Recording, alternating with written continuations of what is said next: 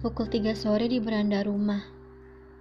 Nenek bilang menjadi manusia harus tahu diri, agar bisa menghargai dan juga dihargai.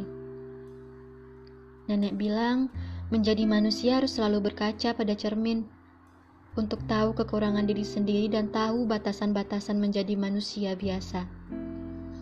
Paham tentang diri sendiri sebelum dihakimi makhluk hidup lain. Tetapi nenek juga bilang, Jangan terlalu sering berada di depan cermin agar tidak menuntut diri sendiri untuk jadi sempurna. Karena semua yang di bumi punya lebih dan kurangnya masing-masing.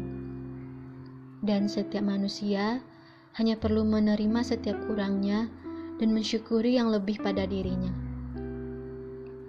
Nenek memang tidak selalu benar dalam segala hal, namun setiap kata-kata yang diucapnya adalah hal-hal baik yang mampu melindungi dari hal-hal buruk di masa yang akan datang.